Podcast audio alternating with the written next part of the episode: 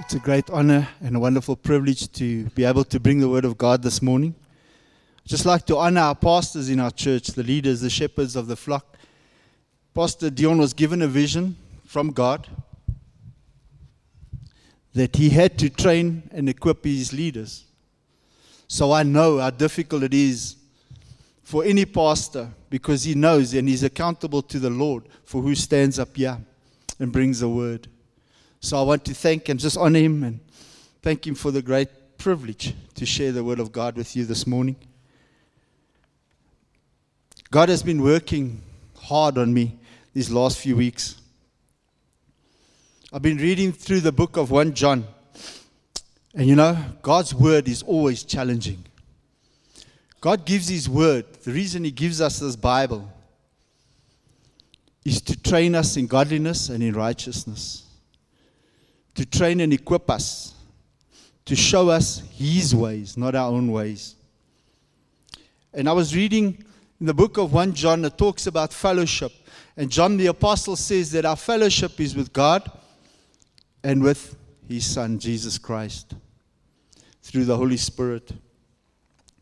John, had, John, one of the apostles, had walked with Christ, had touched him, had seen him concerning the word of life. And they had lived and had this perfect fellowship with Jesus Christ for three years. They saw him, how he taught, how he ministered the word, the kingdom of God, and how he spoke regarding the kingdom. And in 1 John, we are given very specific tests tests of fellowship with God, biblical fellowship with God. What does it mean to have biblical fellowship with God? You say, God spoke to me. And I say, this word was first and foremost for me. You see, often we think we can have a read a quick two minute devotion, say a quick 30 second prayer, and then we've had fellowship with God and we move on through our business for the day. God spoke very clearly to me and said, That is not acceptable fellowship, not in any form or in any way. You know, so often as Christians, D.L. Moody, the great evangelist said, We talk cream, but we love skim milk. And the reason we love skim milk is because our fellowship with our Father is so weak. Jesus Christ came to conquer and die for our sin. Yes, He did. Jesus Christ came to destroy the works of the devil. Yes, He did. But you know, something that is often overlooked is that Jesus Christ came to reveal the Father to you and me. Jesus Christ came so that we, through his blood, have access to the very throne room of God, the Father. That we may come into this full fellowship and walk with God our Father. The only thing is, we must do it God's way, not our own way. It is always God's way. The Israelites learned a hard lesson when they tried to serve God in the flesh and in their own way. They thought they could have idols in their heart and that God would somehow still be satisfied with the worship they brought him. God punished them, his own people, drove them into slavery. 70 years they were in captivity, the Babylonians. You can go read that. But God is always and always has been in the fellowship business. Always. God the Father, God the Son, and God the Holy Spirit, they exist in perfect union, in perfect fellowship and in perfect communion with one another. Adam and Eve, the Bible talks in Genesis, Adam and Eve. Bible says God came seeking them in the cool of the garden in the evening. What was God coming to do? To have fellowship with them. God is wanting fellowship with them. You know, one of the great things in the Bible in Genesis 5:24, this scripture always takes my breath away. It says Enoch walked with God and was no more, for God took him. Have you ever wondered, just stop and pause on that? What was Enoch's fellowship with God like? And by the way, that fellowship was over 300 years that that man walked with God and had fellowship with God, and God took him. Sanette and I were talking this morning, and I said, You know, for me, that, that whole idea that his fellowship was so personal, so intense with God, his creator, that God couldn't wait for him to die. God had to have him and just took him. Such a mind boggling thought. Lord, what is that? What does that fellowship look like that Enoch had? We think of the psalmist King David. You can imagine David lying, looking after the sheep at night, having fellowship with his father, looking up to the stars. You look at all the psalms David wrote. That shows a deep and intense fellowship with the Lord his God. Paul. Paul counted everything as loss for the sake of knowing Christ. He said, I count it all as rubbish for the sake of knowing Christ. He was a very learned man, one of the top Pharisees of his age, but he counted that as rubbish for the sake of fellowship and union with God the Father through Christ Jesus. There are many, many more examples in the Bible of fellowship. And the great and awesome thing is this great, this awesome, this glorious God, this King of kings, this God who holds the universe and the oceans in the palm of his hand, this God through which this earth exists, this universe exists by his power, by his might, this omnipotent, omnipresent, omniscient God, this God who breathes life into you and me. The most incredible thing is he wants fellowship with you and with me. He wants fellowship with you and with me. Thing is, sometimes I wonder how badly we want this fellowship with Him. So, in the book of John, we have a few tests. Let's, as Pastor Brahm says, let's stretch our spiritual muscles this morning. And let's see how spiritually fit we are as we look at what God deems biblical fellowship according to His Word. It's according to His word. The very first one is walk in the light. If we claim to have fellowship with Him, the God of light, and yet walk in darkness, we lie and do not live out the truth. Are we living with sin in our lives? The Bible very clearly says if we claim we have fellowship with Him and walk in darkness, sin is always darkness. Sin is always darkness. There's never any light in sin. You see, Jesus Christ said He is the light of the world. He came to reveal the darkness. He came to reveal the darkness. Christ's presence, if you and I are abiding in Christ, his presence will illuminate our heart and our conscience regarding sin. The Holy Spirit will gently remind and convict us regarding those areas of sin in our lives. A Christian in fellowship with God will be walking in fellowship with one another. That's one of those criterions. Have you ever picked up a rock in the field? In the, in the felt, you, you pick up a rock. What happens when you pick up that rock? The insects scurry, isn't it? They flee in all directions. Why? Because they've been exposed to the light. So, too, you and I, the light, the truth of fellowship, walking and abiding in Christ, will expose those areas of sin in our lives. And the Holy Spirit will help us through the blood of Jesus. And the Bible says we've overcome them by the word of our testimony, by the blood of the Lamb. That's how we overcome sin in our lives. Your sins will keep you from fellowship with Christ, but fellowship with Christ, with Christ will keep you from sin. That's the truth. So let the words of Christ abide in you deeply. Come to the light. Always, as Christians, we should be people who come to the light of the gospel of the truth. Come to the Word of God. Let the Word of God illuminate our hearts, and let's get rid of everything that is not of God. The second one is admit you are a sinner. Admit you're a sinner. If we say that we have no sin, we deceive ourselves and the truth is not in us. You cannot walk with God and continually practice deliberate sin in your life. God will keep showing sin in our lives. Pastor Brahm made a nice suggestion the other day. He said, We are become so good at rebranding our sin. We justify it. We even give it another name. So we might call something an alternate lifestyle. Lovely rebranding of what God calls sin. On the cross, what did Jesus do? He died on the cross to give you and me victory over sin and death. The Bible says sin shall not reign in our lives. Sin, sin has no more power, has no more dominion of us as God's children.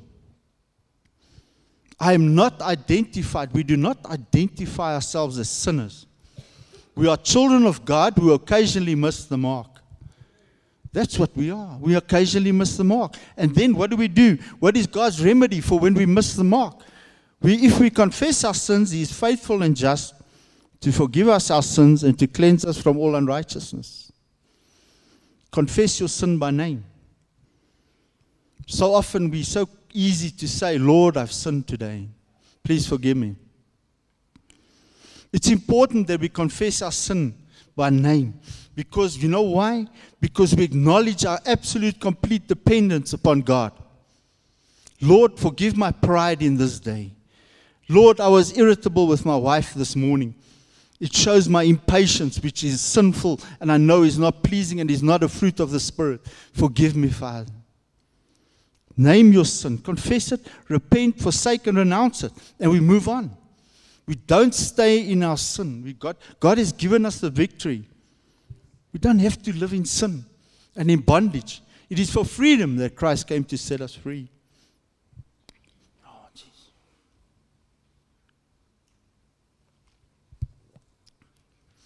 I love this example.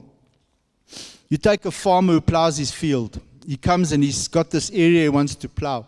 So he'll come with his tractor, he will furrow, he make furrows, and as he's plowing, what happens? He finds rocks. You'll get, you'll remove those rocks. You'll keep removing every rock he finds. He doesn't want rocks in that soil. Next year he'll come, you'll re, re-plow that soil again, you'll find more rocks. You'll get up, you'll remove those rocks.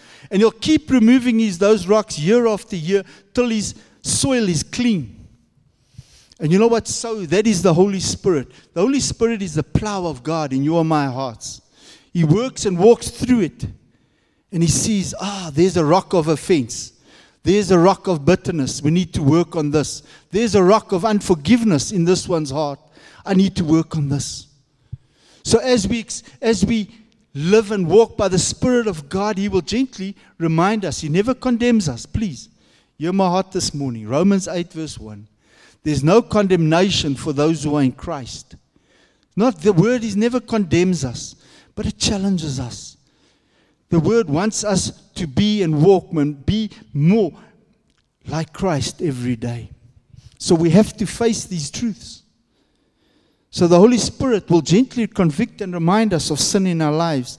Don't get discouraged. Use God's remedy of confession. What is confession? Is simply agreeing with what God says in His Word regarding sin. There is an absolute truth. This Bible is absolute true. Man should have his credentials checked, but God never. God is not man that he should lie. His word is true. We can stand on his truth. We can build our lives upon this truth. Because there is no other truth but the word of God. Test three obey God's will. He that says, I know him and does not keep his commandments is a liar, and the truth is not in him. True, there's no ambiguity there. Eh? If I claim to love God and I don't obey His commandments, the Bible calls me a liar and the truth is not in me. There's no ambiguity there. There's nothing that we need to think or resonate with there. Jesus says, If you love me, you will obey my commands. It's not a difficult thing. God has given us His Spirit to help us obey and overcome sin in our lives. What are His commandments? What are God's commandments? Well, the two greatest commandments is Mark 12, verse 30 says, You shall love the Lord your God with all your heart, all your mind, with all your soul, with all your strength. And the second is, as like it, you shall love your neighbor as you love yourself. If we obey that commandment, we are doing well. We are obeying the law and the prophets. Jesus said, if we can obey those two commandments. The question arises do I love God that way? Do I love God that way? Do I watch TV more than spending time with God? As I said, do I have a quick two minute devotion in the morning? quick 30 second prayer. Then go work for eight hours, come home and spend three hours in front of the TV, and then go to bed because I've had a long day and claim to have had fellowship with God, claim to have loved God. As I said, people, this word challenged me. This word is for me more than for you this morning, maybe, but it's challenging word. This. Am I seeking fame, wealth, or enjoyment? Is that my goal in life? Is that my goal in life to live comfortable? God is not concerned with our comfort this side of eternity. He's concerned with conforming us into the image and likeness of His Son, Jesus Christ. And God will take and use whatever measures to lull and pull us out of our lukewarmness if He has to. That's why the Bible says, test yourself, examine yourself to see whether you are walking in the faith. The Word of God is a good test. Do I know God's will for my life, or do I even care about God's will for my life? The Israelites, as I say, learned a hard and bitter lesson regarding disobedience. So much, so much of what we hear today in the body of Christ is always about the blessing, the blessing, the blessing, the blessing. But the part of obedience, not so much. God says, if you obey, you will be blessed. No blessings without obedience. That's how it works in God's kingdom. Always has and always will. Obedience will bring blessing. Walk in disobedience, not so much. Our love for God is demonstrated by our obedience to His word. Test four imitate Christ. He who says he abides in Him ought himself also to walk just as he walked. Man, that's a difficult one. Jesus Christ is our yardstick, Jesus is our goal. We are to be Christ like in all we do, in our walk, in our talk, in our everyday actions, words, deeds, thoughts. We are to be like Christ. We are to imitate him. So often we want to imitate ourselves with someone else. Eh? But Paul says that's foolishness. If you want to compare yourself, compare yourself with Christ. Don't compare yourself with anyone in the body. That's not wise. Look to Christ.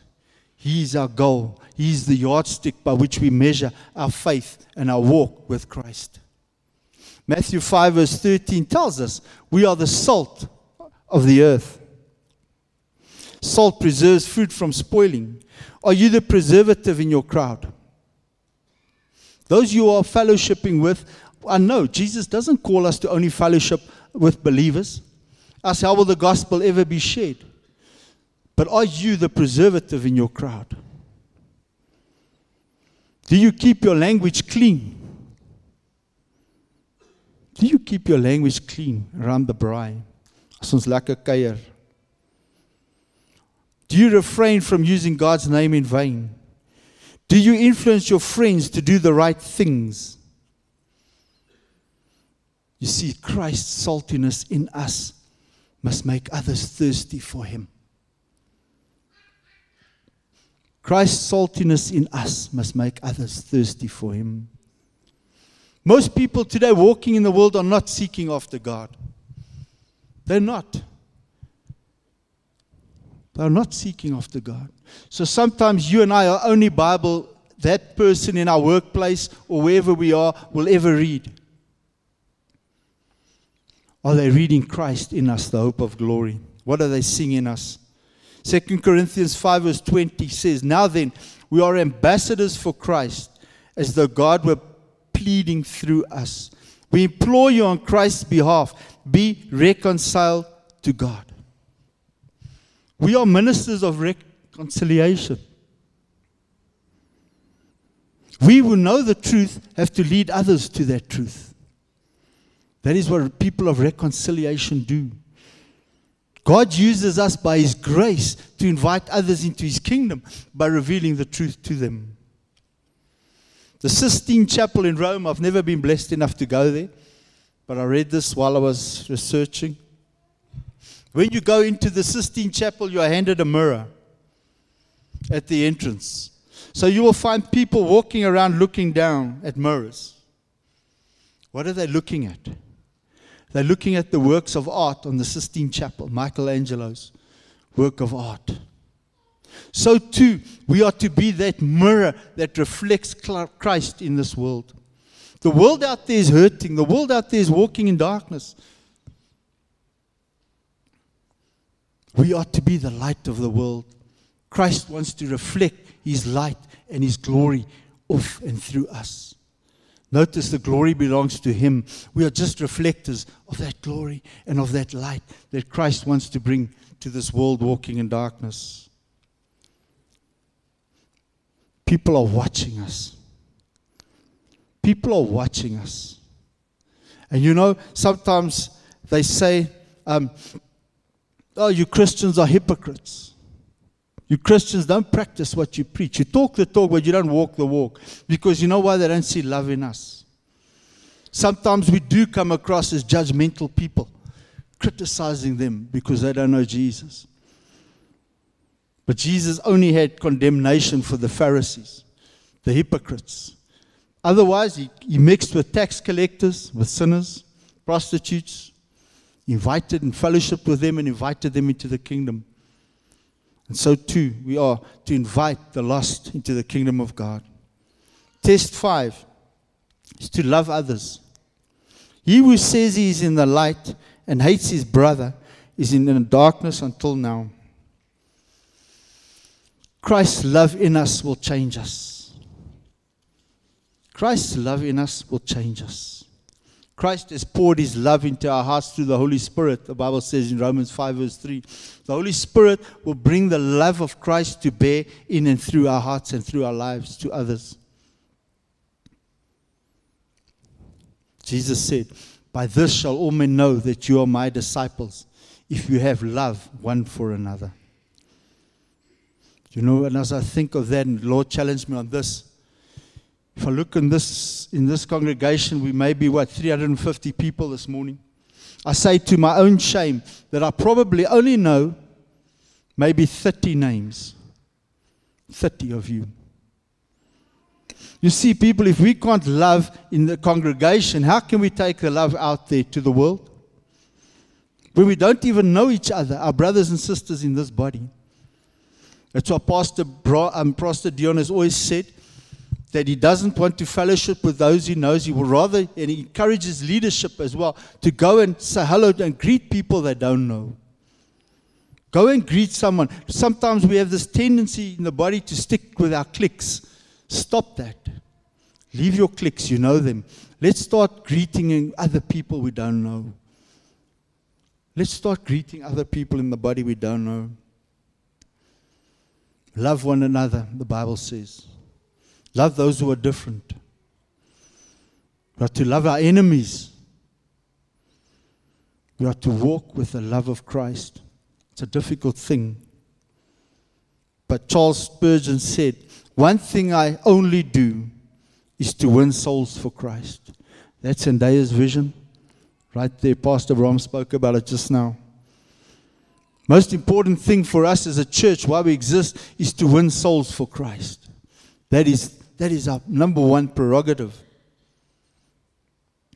The last test, test six. Keep yourself separate from the world. Do not love the world or the things of the world. If anyone loves the world, the love of the Father is not in him. We live in a present evil world. The thing is, the world's standards should not be the standards of a Christian. The world's standards are often diametrically opposed to the standards of God. So often, and even in Jesus' times, the disciples thought that a man's wealth was a measure of his success in the spiritual world. Do not make that mistake that because you have wealth, that means that you are spiritually in the right place. Wealth, the world, the wealth of this world is not a measure of our spirituality. It's not a measure of God's favor upon us. By grace we are saved through faith. You know, we in the church, we are called with the great task of being custodians and guardians of the truth. We are to protect this truth, preserve this truth, fight for this truth.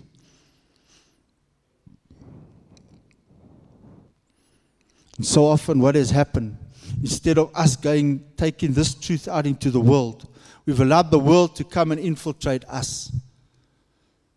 That's a hard word, but it's a truth. When we hear blessing, blessing, blessing ministry all the time, and there's no accountability, and there's no, there's no sin and confession and repentance, you know what happens? The gospel becomes cheap and it becomes watered down. And we hear gospels like this being preached Come to Jesus, He will forgive you, and He will meet all your needs. He will give you a job, He will make you prosperous, He will make you successful. And we hear nothing about picking up your cross and following after Him. We hear nothing about through trials and tribulations you will enter the kingdom of God. You hear nothing about how your faith will be tested and how often how difficult and how lonely a walk with Christ can be. You see, that's not the prosperous blessing message that people want to hear. Jesus said in the last time, in the end times, many will walk away from the faith because they want to go to churches where they will hear what they want to hear, where they're not going to be challenged about their own walk and relationship with God. And that scripture is it's a very scary scripture when Jesus said, Many, many will say to me on that day, Lord, Lord, did I not cast out demons in your name? Did I not heal the sick in your name? See, they were busy with kingdom things, so busy with the things of God that they had no relationship with God. They had no fellowship with God. They never sat at his feet to hear what God wanted. They thought and presumed they knew, and they just ran off in their own direction. We need to sit in fellowship with God. The most amazing thing is this God calls you and me into fellowship. We need to get serious about God's things. We need to start focusing on the eternal. We are living in end times. You just have to look at the news today. You can see the times we are living in, people. The people out there are hungry and desperate for Jesus. They need to hear the true gospel. And in order for us to do that, we need to have the true fellowship with the Father. We need to hear what Father's heart is. We need to hear what Father's heartbeat is for this community, for, for the greater Joburg, for South Africa. We have to be sitting at the Father's feet. Jesus said, Heaven and earth will pass away, but my words will stay forever.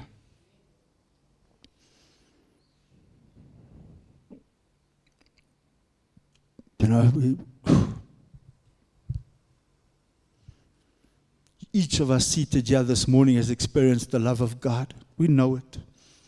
We know that love is true. And God calls us and continues to call us into that biblical fellowship with Him. True biblical fellowship is, is, is when we walk in the light, when we be people of confession, repentance, and we, we own up to our sin.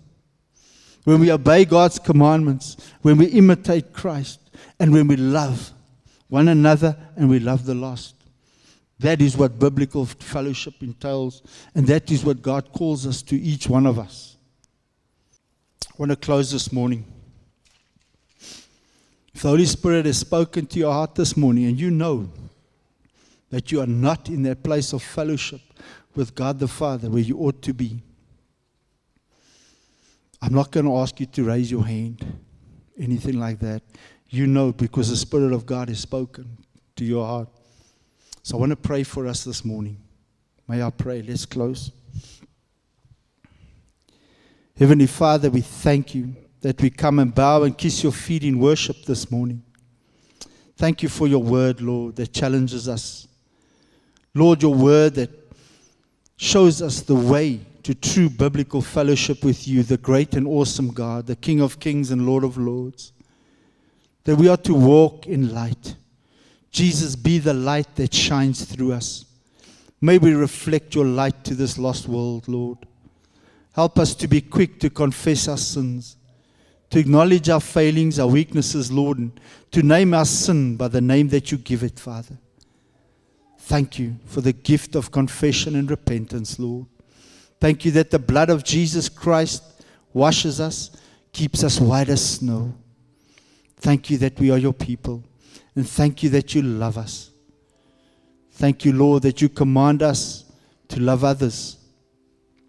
Help us, Lord, to pour out the love you have poured into our hearts to those walking in darkness, to those who need to hear a message of upliftment, encouragement, to know the grace of the Lord our God. Father, work in each of our hearts here this day, we pray. Lead us into true biblical fellowship with you, Lord. Give us the courage, Father, to face those things that you have revealed today, Lord, in our hearts, that we may repent, change, and turn to you, that we may sit at your feet, feel your loving arms embrace us, know the love of Christ that surpasses all love, the peace of Christ that surpasses all peace. May we have joy in your presence. May we know you, the true and living God. And may we boast only of one thing, Father, that we have fellowship with you, our God, that we know and experience your love, that your joy will follow us all of our days, Lord, as we continue to walk and live by faith. Thank you, Holy Spirit. Thank you for your work of sanctification in our hearts and in our lives. Thank you for calling us always drawing us in love. How we love you, Father, because you first loved us. Thank you for your faithfulness. Thank you for your mercy, your loving kindness. Oh God, we are in awe of you, our God. We tremble at your word this morning, Father. And thank you for what you will do in our hearts and in our lives. We bless you and praise you and thank you in the name that is above all names, in the name of our Lord and Savior Jesus Christ, to you be the glory forever and ever. Amen.